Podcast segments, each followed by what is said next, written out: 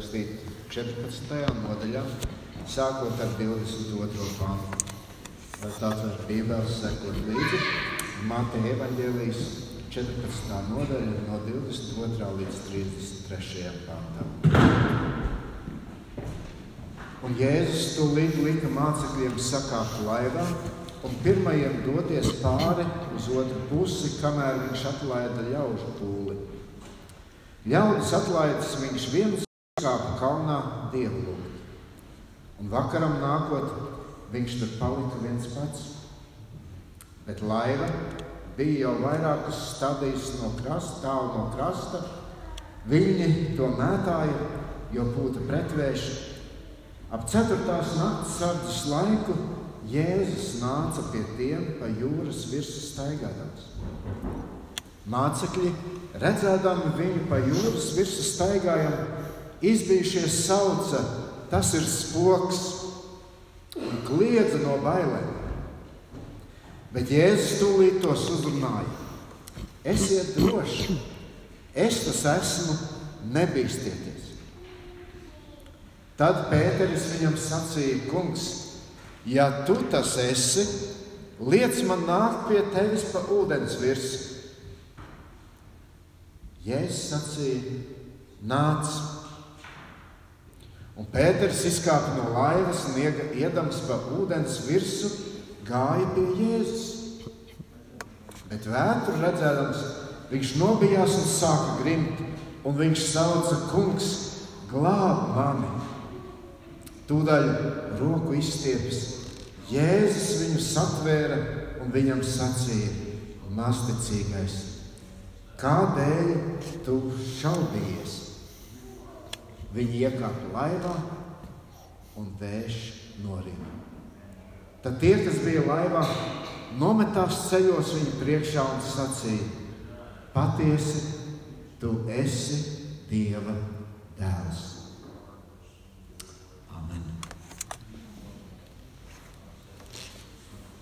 Lūksim Dievu, pirms dodamies vētrā. Debes Tēvs, mēs pateicamies par šodienas vārdu, ko Tu esi mums devis, un par šodienas mācībām, tik daudzām. Un es ļoti lūdzu, ka Tu runā, runā uz mūsu sirdīm, ka Tu māci mums to, ko Tu mācīji mums, ko Tu mācīji mācekļiem, un palīdz mums saprast, māci mums dzīvot. Māci mums paļauties un uz tevi ticēt. Tavā vārdā Āmen. Lūdzu, sēdieties. Draudzi, man prieks būt uh, atkal jūsu priekšā. Tie, kas nezina, mani sauc Raimons. Esmu viens no šīs draudzes diakoniem. Es lasīju kādu stāstu par kādu īru zēnu stāsts par kādu īru zēnu, kuram, eh, kurš dzīvoja ar kādu leģendu savā prātā. Un šī leģenda viņam tika stāstīta. Eh, viņa tēvs viņam to stāstīja, un šī leģenda ir par to, ka eh, viņa tēvs, viņa vectēvs un vecvectēvs, kad viņi piedzīvoja, kad viņi sasniedza 18 gadu vecumu, viņi spēja iet pa ūdens virsmu. Un tā šis mazais īru zēns dzīvoja ar šo leģendu savā prātā. Mans, mani senči spēja iet pa ūdens virsmu, tad, kad viņi sasniedza 18 gadu vecumu. Doma, ko, ko viņa senči teica, 18 gadu vecumā mēs spējām pāriet vietējo upi un aiziet līdz vietējiem bāram, lai izdzertu vienu pirmo alus kausu. Un šis zēns auga un sasniedza 18 gadu vecumu. Augustā viņam palika 18 gadi, un viņš domāja, nu šai leģendai jākļūst īstai. Arī es mēģināšu šķērsot šo upi. Viņš aiziet pie upes laipas, viņš spēr soli un viņš pazūd. Pazūd zem ūdens. Viņš izlien no upes, slapjš, neapmierināts, aiziet pie veco, vecās mātes un saka, es esmu labs īru zēns. Es regulāri lūdzu dievmāti. Man nepatīk protestanti. Bet kāpēc es neesmu tik svēts kā mani senči? Kāpēc es nevarēju pāriet pāri upei? Vecmāma atbildēja, tāpēc, ka tu neesi tik gudrs. Un zēns bija dusmīgs un asarās teica vecumāte, kāpēc tu tā saki? Kāpēc es neesmu tikpat gudrs? Un vecmāma teica, viņi visi bija dzimuši janvārī, bet tu augustā. Pagājušā svētdienā mēs piedzīvojām Dieva brīnumu. Un, uh, Svētrunas mēs varam noklausīties Vīlānas mājaslapā. Un, uh, iepriekšējā svētdienā, ja tu neesi dzirdējis, es iesaku to noklausīties. Šo brīnumu par 5000 vīru pāēdināšanu. Un mēs šajā brīnumā piedzīvojam dievišķo. Mēs piedzīvojam dievišķo. Bet šodienas tekstā, un es ceru, ka tev tas ir atšķirts Mateja 14. nodaļa, 22 līdz 33, mēs, mēs domāsim vēl par kādu brīnumu, mēs piedzīvosim vēl kādu brīnumu, un ne tikai vienu, bet veselus četrus. Varbūt pat vairāk. Ļoti labi zināmais stāsts. Mēs esam dzirdējuši šo stāstu, kā Jēzus staigā pa ūdens virsmu. Un neatkarīgi no tā, cik daudz tu esi lasījis Bībeli, man liekas, ik viens zina šo stāstu. Šis notikums ir aprakstīts trijos evaņģēlijos. To apraksta Matejs, to apraksta Marka, tas ir aprakstīts Marka evaņģēlijā, un tas aprakstīts arī Jāņa evaņģēlijā. Un katrs dot tādu savu skatījumu uz šo notikumu.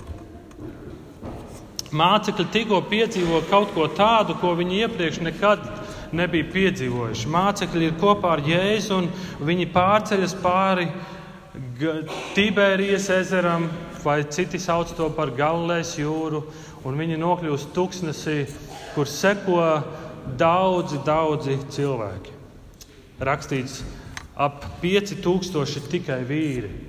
Un tur ir tuksnesis, un tur nav nekā. Un Jēzus visus viņus pabaro. Turpat viens māceklis teikt, Jēzus mums nepietiktu 8000 eiro, lai visus viņus pabarotu.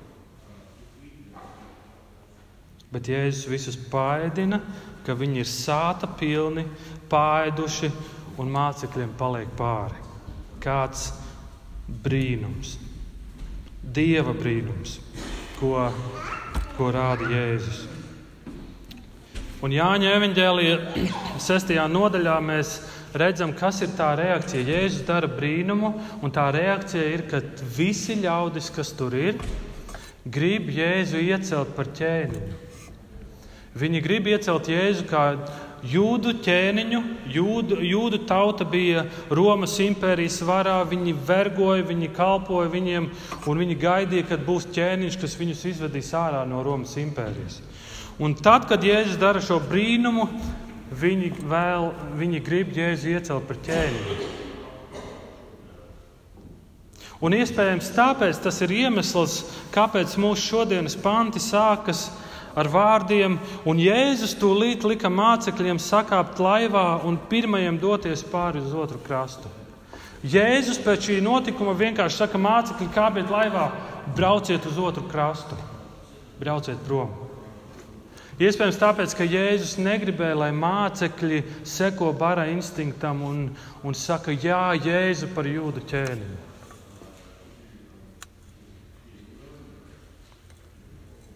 Bet mēs redzam, Jēzus sūta mācekļus prom. Un ko dara pats Jēzus? Ļaudis atlaidis, viņš viens pats uzkāpa kalnā. Ļaudis atlaidis, viņš uzkāpa kalnā. Nav brīnums, un mēs zinām, ka Jēzus ir lūkšanas vīrs. Jēzus lūdz. Mēs zinām, ka Jēzus bieži lūdza vienatnē. Bet ir kādas vietas, kur, kur ir īpaši aprakstītas, kad Jēzus gāja viens pats dievlūgt.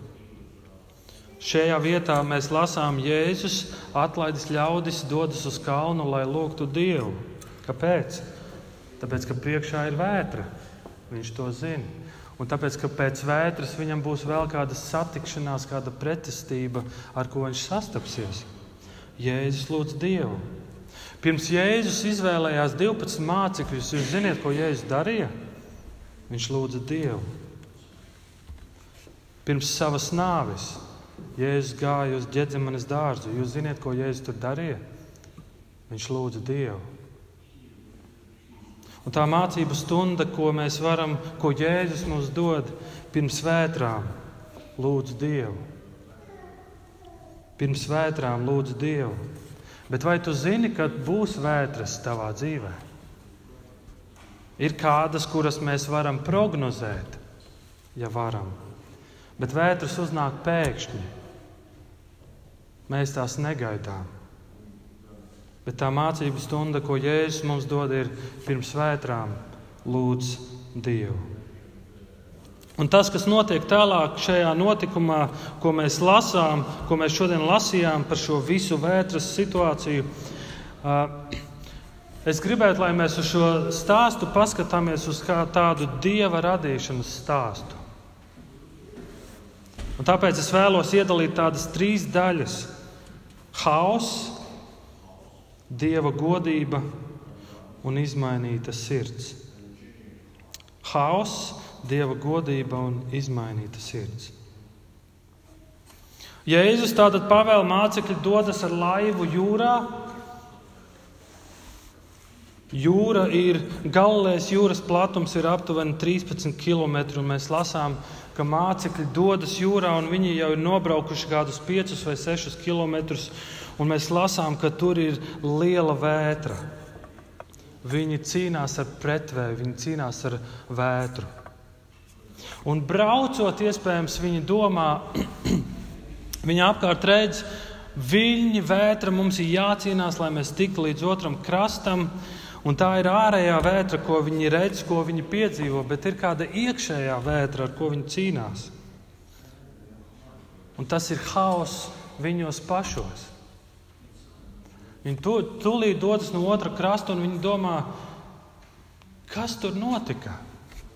Ko nozīmē šie, šī pāēdināšana, ka Jēzus pāēdina 5000? Ko tas nozīmē? Un Marka evanģēlijā mēs lasām par šo pašu notikumu, ka mācekļi, dodoties jūrā, viņi nesaprata, ko tas nozīmē, ko nozīmē šī 5000 pāēdināšana. Viņu sirds bija cieta, viņu sirds bija nocietināta. Viņi nesaprata. Viņi nesaprata to, ko Jēzus gribēja parādīt. Un ir šī ārējā vētra, ar ko viņi cīnās, un ir šī iekšējā vētra, šie daudzie jautājumi. Kāpēc? Kāpēc mēs esam šajā jūrā? Kāpēc es esmu šajā vētrā? Kāpēc Jēzus mani šeit ir sūtījis? Kāpēc mēs dodamies vieni paši? Kāpēc Jēzus nedavās ar mums? Un tā viena problēma ir, šoreiz viņi ir vieni paši jūrā. Nav Jēzus, kurš guļ laivā, kuru pamodināt. Viņi ir vieni paši. Viņi ir tālu prom jūrā. Bībelē Vētras, haotiskie ūdeņi simbolizē ļaunumu un briesmas. Piemēram, faraons un viņa armija, kad Dievs izveda savu tautu no Eģiptes zemes, faraons un viņa armija tiek salīdzināti ar vētrainiem ūdeņiem. Vēl vecajā derībā, Iesaijas 17. nodaļā, mēs lasām, vai Ļaužu pulks jau dārts šurp, kā ūdeņa krāts tie dimt, un tautu troksnis kā varenu ūdeņa krāts. Tautas kā daudzi ūdeņa krāts, gan viņš tās atsviedīs atpakaļ, padzīs tālu projām. Kā vēja dzenātas pelavas kalnos, vēja virpuļa dzītas. Tautas kā troksnis, tautas kā ūdeņa krāts. Un vēl viens simbols krācošiem ūdeņiem Bībelē ir Tautas, kas karo, karojošas tautas, briesmas, ļaunums. Un viss caur Bībelē mēs redzam, ir šis Dieva tautas jautājums. Dievs, kāpēc tu esi mūs šeit atvedis? Kad, kad viņi devās no Ēģiptes un bija tuksnesī, kad viņi bija kara stāvoklī ar citām tautām. Dievs, kāpēc? Un iespējams mācekļi šajā brīdī jautā to pašu. Dievs, kāpēc? Es, es nesaprotu. Es nesaprotu. Arī mēs savā dzīvē piedzīvojam vētras, vai ne? Vētras, kas notiek mums visapkārt, visādi apstākļi, kas mūs ietekmē, attiecības ar cilvēkiem, problēmas, ciešanas, slimības, vētras visapkārt. Iespējams, tu šobrīd atrodies lielā vētrā, kur tev ir daudz jautājumu, kur tu nesaproti, un kur tu esi viens pats. Tev liekas, es esmu viens pats. Vai Jēzus nezināja par šo vētru? Viņš noteikti zināja. Bet tas, ko mēs redzam, Jēzus aizgāja Dievu lūgt, un jūs zināt, ko Jēzus nesteidzas. Jēzus zina, ka, viņi, ka viņa mācekļi ir vētrā, bet viņš nesteidzas. Viņš paliek savā lūkšanā laikā, jo lūkšanas laiks viņam ir dārgs. Jūs zināt, kad Jēzus vēl nesteidzās, kad viņam paziņoja, ka viņa brālis Lācars bija, kad Martas un Marijas brālis Lācars bija saslimis. Un tad, kad Jēzus to dzirdēja, viņš teica, šī slimība nav uz nāvi, bet dievam par godu. Lai dieva dēls ar to tiktu pagodināts. Un tad viņš teica, tad viņš vēl divas dienas uz, uzkavējās tajā vietā, pirms viņš devās pie Lācara. Jēzus kavējas, Jēzus nesteidzas. Un tad mēs lasām tikai ap 4. nakts sardzes laiku. Jēzus nāca. Tas nozīmē, ka mācekļi ir Galilejas jūras vidū deviņas stundas nocīnījušies ar jūru. Un tikai tad Jēzus nāk. Haoss un mēs piedzīvojam šajā haosā pirmo brīnumu. Un šis brīnums ir 25. pantā rakstīts, ap 4. naktas sardzes laiku Jēzus nāca pie tiem, pa jūras virsmu staigāja. Pa jūras virsmu staigāja. Kas te notiek? Jēzus ieiet jūrā. Jēzus iet vētrā. Viņš nāk un viņš nāk uz šo laivas pusi. Pie mācekļiem, kas ir cīnījušies vairākas stundas. Un jūs zināt, un Jēzus nāk un ir tumšs, un šī ceturtā sadzes stunda ir tumšs, ir vētra, ir, ir, ir neko nevar īsti redzēt. Un tad viņi Vai nu viņi visi, vai kāds no viņiem pēkšņi pamana, kad kāds staigā pa jūras virsmu. Jūs zināt, ko mācekļi dara? Viņi ir panikā, viņi kliedz. Es uz brīdi domāju, ja es būtu vētrā un es redzētu kādu staigājumu, ko tu darītu? Es vienkārši piespiestu sevi pie laivas dibena tik ļoti un, un būtu tik kluss kā, kā pelīte, lai tikai viņš aiziet garām. Bet šeit mācekļi piedzīvo kaut ko pārdabisku. Iespējams, viņi domāja, ka šī vētra ir dēmonisku vāra, eh, dēmonisku spēku izveidota, un tas, kas tur staigā, ir kaut kāds dēmons. Viņi kliedz, viņi saka, ka tas ir spoks, un viņi domā, ka tas ir varbūt kaut kāds dēmons, kurš staigā. Viņi nepazīst Jēzu. Viņi ir nobijušies, un viņi ir tik lielā panikā, ka viņi kliedz. Jūrnieki, kas ir piedzīvojuši daudz vētras, nobrieduši vīri, kliedz no bailēm. Viņam iestājas panika, jo kaut ko tādu viņi nekad nav piedzīvojuši. Bet Jēzus ilgi ne, nevilcinās, un 27. pants Jēzus to līdz uzrunāja: Esiet droši, tas, es tas esmu, nebīsties. Esiet droši, es tas esmu, nebīsties. Un šī ir tā daļa, kur Dieva godība ienāk.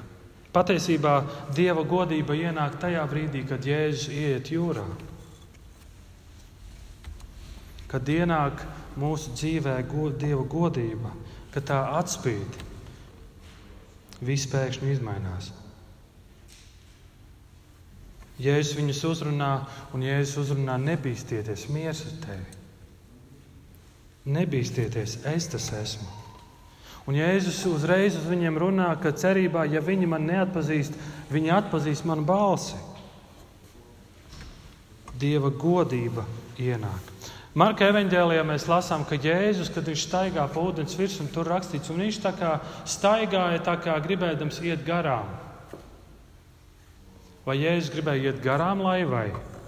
Matejs saka, nē, Jēzus devās viņu virzienā, Jānis saka, Jēzus devās laivas virzienā, kas nozīmē, Jēzus negribēja vienkārši iet garām un atstāt mācekļus, lai viņi tur cīnās. Bet Mārks parāda kaut ko, ko mēs varam saprast, ja mēs mazliet paskatāmies vecajā derībā. Otrā mūzes grāmatā, 33. nodaļā, Mūzes saka Dievam, parādi jau man savu godību, parādi man sevi, parādi man savu godību, es gribu to redzēt. Un Dievs atbildēja, es likšu, lai viss mans labums iet tava vaiga priekšā, un es saukšu vārdu kungs tavā priekšā. Un kungs teica, redzi, vieta man blakus nostājas uz tās klints, kad mana godība ies garām. Es likšu tev tās klints plaisā un aizsekšu tevi ar roku, kamēr būšu pagājis garām.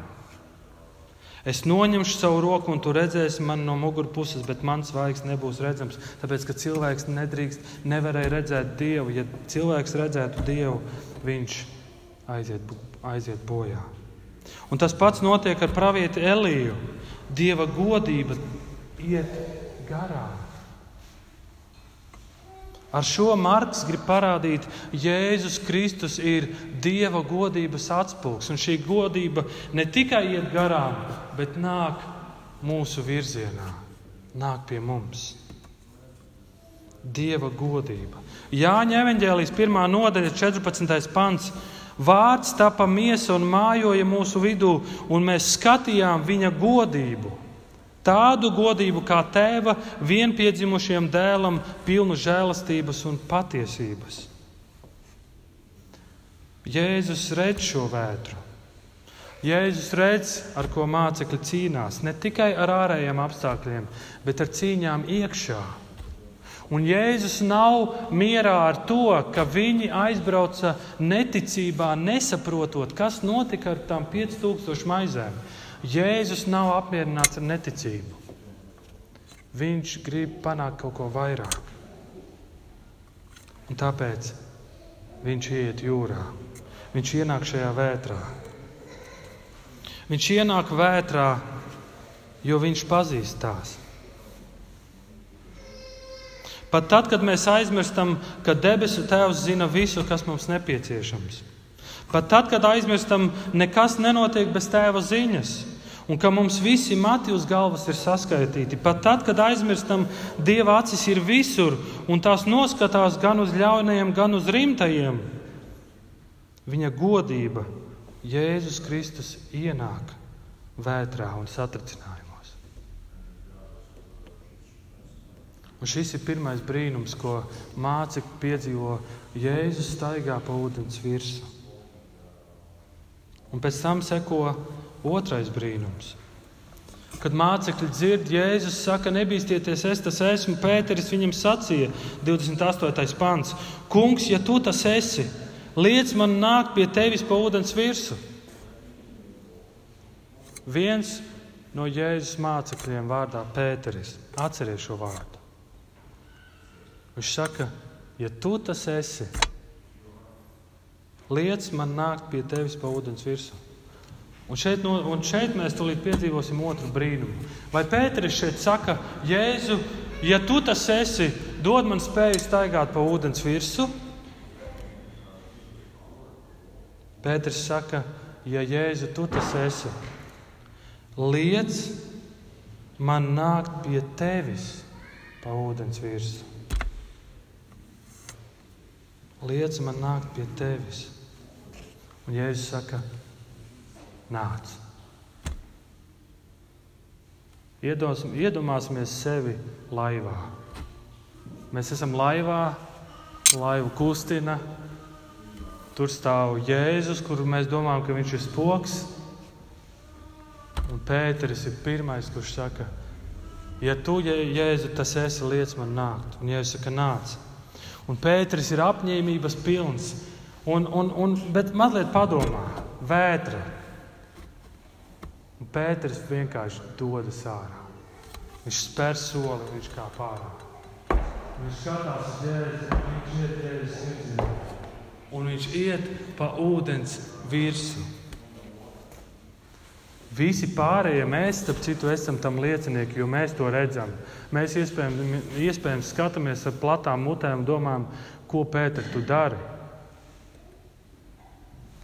Bet Pēters ir izpelnījies popularitāti ar savu raksturu.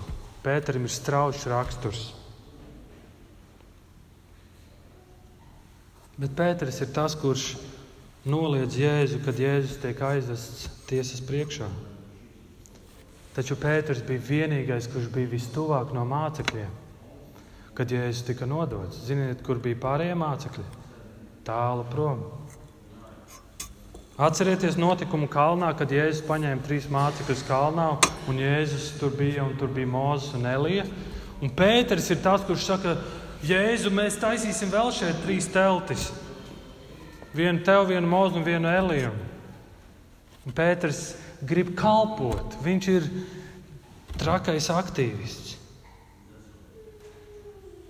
Un, un tad ir brīdis, kad Jēzus saviem mācekļiem grib mazgāt kājas, un Pēters saka, nē, tu man nemazgāsi kājas. Un Jēzus viņam paskaidro, ko tas nozīmē. Un Pēters, kad viņš to dzird, viņš saka, mazgā mani visu. Pēters ir ašais, ātrais māceklis. Bet Pēters ir māceklis, kurš ir mīl Jēzu tā, kā viņš to saprot. Viņš mīl Jēzu tik ļoti, ka viņš saka, Jēzu, drošāk ir būt pie tevis vētrā ūdenī, nevis laivā. Drošāk ir būt ar tevi vētrā ūdenī uz jūras, nevis laivā palikt. Es gribu iet pie tevis, Jēzu. Un Pēters Un ko mēs lasām? Un Pēters izkāpa no laivas un iedams, un iedams pa ūdens virsmu gāja pie Jēzus, pa ūdens virsmu. Tas nav kārtējs YouTube video, kur kāds mēģina triku uztaisīt, kā viņš staigā pa ūdens virsmu. Tur tiešām notiek šis notikums.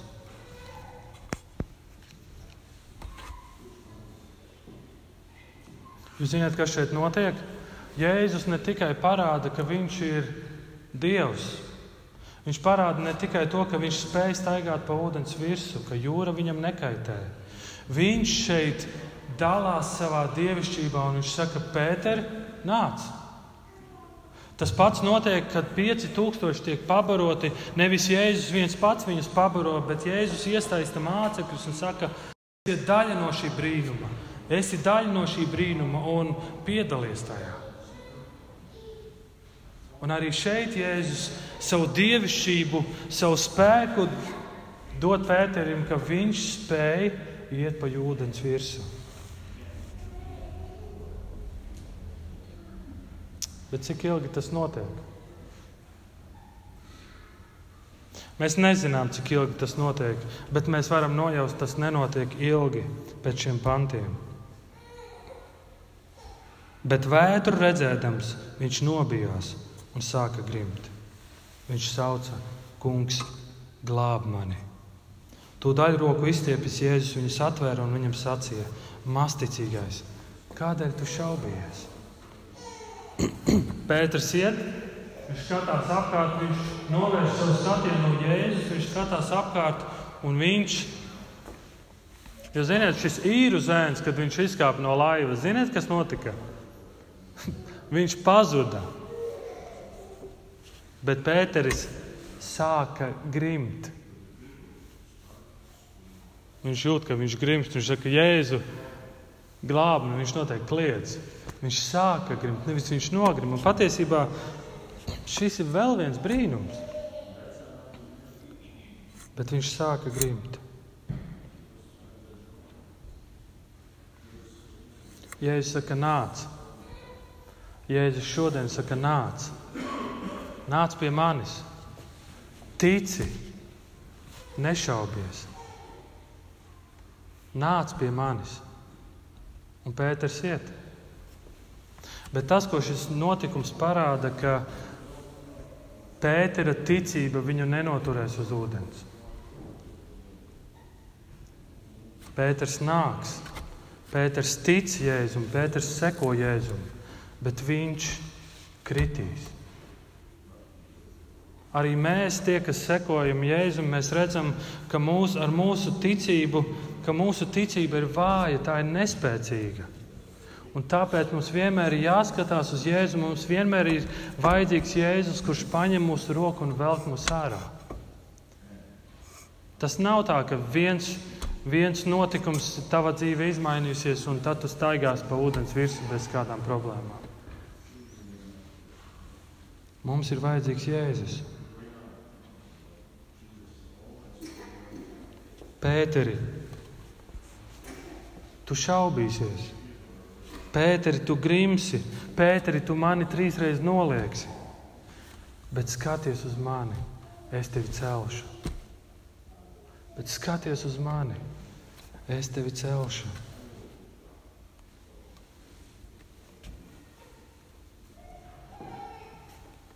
Hausā, kad mācekļi ir izbijušies, ienāk, ienāk Dieva godība, kas ir Jēzus Kristus. Un tās dieva godības rezultāts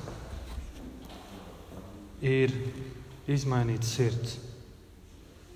Un ko mēs lasām tālāk? Kad Jēzus ir izglābis Pēteri, viņi iekāpa laivā, un mēs piedzīvojam trešo brīnumu - vējš norima. Vējš norima. Viņi iekāpa laivā un vējš norima kas vien parāda, ka Jēzus kontrolē visas vētras. Kas vien parāda to, ka Jēzus grib, lai mācekļi saprot, ej, mācekļi, es esmu Dieva sūtīts, es esmu Dieva dēls. Es pavēlu dabas spēkiem un likumiem, un tie man pakļaujas. Un tas rezultāts, tas skaistais rezultāts, kāpēc tā visa vētra notiek, ir 33. pants. Tad tie, kas bija laivā, nometās ceļos viņa priekšā un sacīja: Patiesi, tu esi Dieva dēls. Patiesi, tu esi Dieva dēls. Lai arī mācekļi šajā dzīves posmā neredz pilno bildi Bet šī ir pirmā reize, šī ir pirmā reize kad mācekļi pielūdz Jēzu. Mateja 2. nodaļā austrumu gudrie ir tie, kas pielūdz Jēzu. Mateja 8. nodaļā spitālīgais, kas tiek dziedināts, ir tas, kurš pielūdz Jēzu. Un tikai pēc tam Mateja 14. nodaļā šī ir pirmā reize, kad mācekļi pielūdz Jēzu. Un lūk, arī Dieva skaistais radīšanas stāsts. Dievs ienāk haosā. Starp citu, pirmā mūža grāmatā mēs lasām, ka Dievs radīja pasauli un tad bija ūdeņi, tad bija tumsa un ūdeņi, tad bija haotiskie ūdeņi, ko Dievs izmainīja un radīja tālāk. Radīšanas stāsts sākas ar haosu, kurā ienāk Dieva godība un izmaina visu. Izmaina sirdi, kas sāk pielūgt. Kas ir šī izmainītā sirds? Tā ir sirds, kas tic, ka Jēzus ir kungs un glābējs.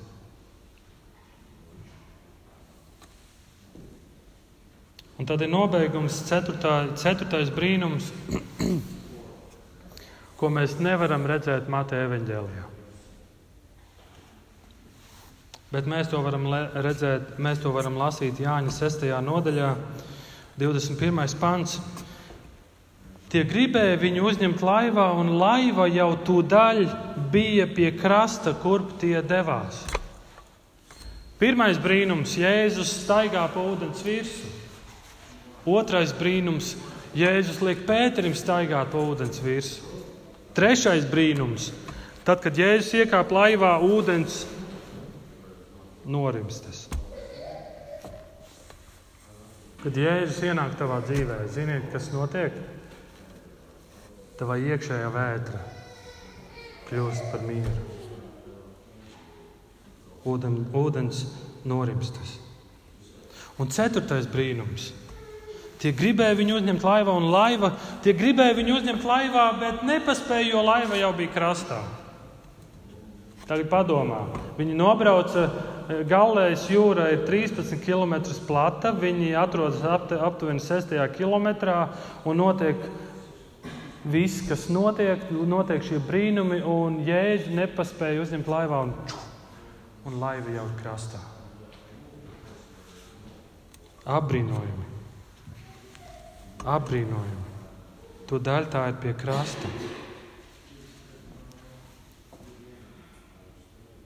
Jēzus mūs aizved uz to galamērķi, uz kuru viņš mūs ir iecerējis vest. Un šis galamērķis ir miers. Tad, kad Dievs radīja pasauli, tad, kad bija haoss, viņš ienāca haosā, Viņš radīja šo pasauli un zina, ko viņš darīja, kad, kad viņš visu bija radījis, kad viņš darbu bija paveicis. Viņš atdusējās. Viņš iegāja mierā. Un tā ir tā kristietības būtība, tā ir tā, tā vēsts, ko mēs sludinām, ka Jēzus Kristus ieved mūs mierā. Jāņa 14, 27. Eh, mēs lasām, es jums atstāju mieru, savu mieru es jums dodu. Es dodu jums ne tā, kā pasaule dod. Jūsu sirds lai neiztrūkstas un neizbīstas. Jēzus šo mācības stundu mācekļiem dod tieši tāpēc, ka viņš zina, ka tad, kad Jēzus aizies prom, viņa dzīvēs būs daudz vētras. Tavā dzīvē būs daudz vētras vētras, kuras tu paredzēsi, un vētras, kuras tu nevarēsi paredzēt. Bet vai tev būs šis miers? Un tas miers, ko dod Jēzus, ir miers, kuru nespēja ietekmēt ārēji apstākļi. Tu vari būt, ap tevi var notikt liela vētra, bet tu esi šajā mierā. Un tas ir tas miers, ko Jēzus, uz kurien Jēzus aizved savus mācekļus šajā mierā. 107. psalms. Ļoti skaisti aprakstīts tas, ko mēs šodien lasījām. Tie, kas ar kuģiem brauca pa jūru un veica lielos ūdeņos savus darījumus, tie redzēja tā kunga darbus un viņa brīnumus jūras virsū un dziļumos. Pēc viņa pavēles sacēlās vētra, kas sabangoja jūras viļņus. Tie pacēlās augšu pret debesīm un nogrima atkal dzelmē, tā ka viņu dvēsele trīcē izmisumā un bailēs. Tie viņu smētāja un svaidīja kā dzēruma pilnus, visa viņu gudrība bija galā. Tad viņi piesauca to kungu savā bēdās, un viņš izglāba viņus no viņu bailēm. Viņš apklusināja vētru, ka norima viļņi. Viņi priecājās, ka iestājās klusums, un viņš ieveda viņus iecerētajā ostā un viņi ir ostā. Viņi ir mierā. Un mēs pēc tam lasām mācekļus par to, ka viņi sludina met cietumā. Jūs zināt, ko viņi dara cietumā? Viņi dzied dziesmas. Tāpēc, ka Jēzus ir izmainījis viņu dzīvi. Viņi ir ieraudzījuši, kas Jēzus ir. Viņi ir ieraudzījuši, ka Jēzus valda pār visām vētrām. Vienalga, kāda vētra ir tavā dzīvē, es gribu, lai tu zini, Jēzus va ir valdnieks pār visām vētrām. Un viņš grib ienākt šajā vētrā. Pirmajā brīdī tas varēs šķist bailīgi. Bet Jēzus, kad viņš nāk, viņš nāk ar mieru. Un viņa mērķis ir ievest, ievest tevi mierā. Un es nobeigšu kādu stāstu. Senos laikos bija kāds ķēniņš, kurš piedāvāja atlīdzību tam māksliniekam, kurš uzgleznos viskaistāko gleznu kas attēlo pilnīgu mieru. Daudz mākslinieki centās, ķēniņš palūkojās uz gleznām, un bija tikai divas, kas viņam patika. Tā viena bija glezna, kurā tika attēlota, attēlots Rāmas ezers, tas bija kā spogulis, tur bija aizmugurē kalni, debesis bija zila. Un visi, kas šo gleznu redzēja, apjūsmoja to un brīnījās. Bet otrā glezna, otrajā gleznā arī bija kalni, bet tie bija asi un kaili. Virs šiem kalniem slēdzās dusmīgi melni mākoņi, no kuriem lija lietus un zibeņoja. Kalna vienā pusē mutuļoja ūdenskritums, un glezna nebūtu neatgādināja mieru. Bet, kad ķēniņš vērīgāk palūkojās gleznā, aiz ūdenskrituma viņš pamanīja mazu krūmu, kas auga uz klints. Un šajā krūmā bija putnu mātīte, kas būvēja līgstu. Lūk, visapkārt mutuļojošajiem apstākļiem ir putnu mātīte, kas sēž savā līgstā, pilnīgā mierā. Kā jūs domājat, kurš ieguva balvu?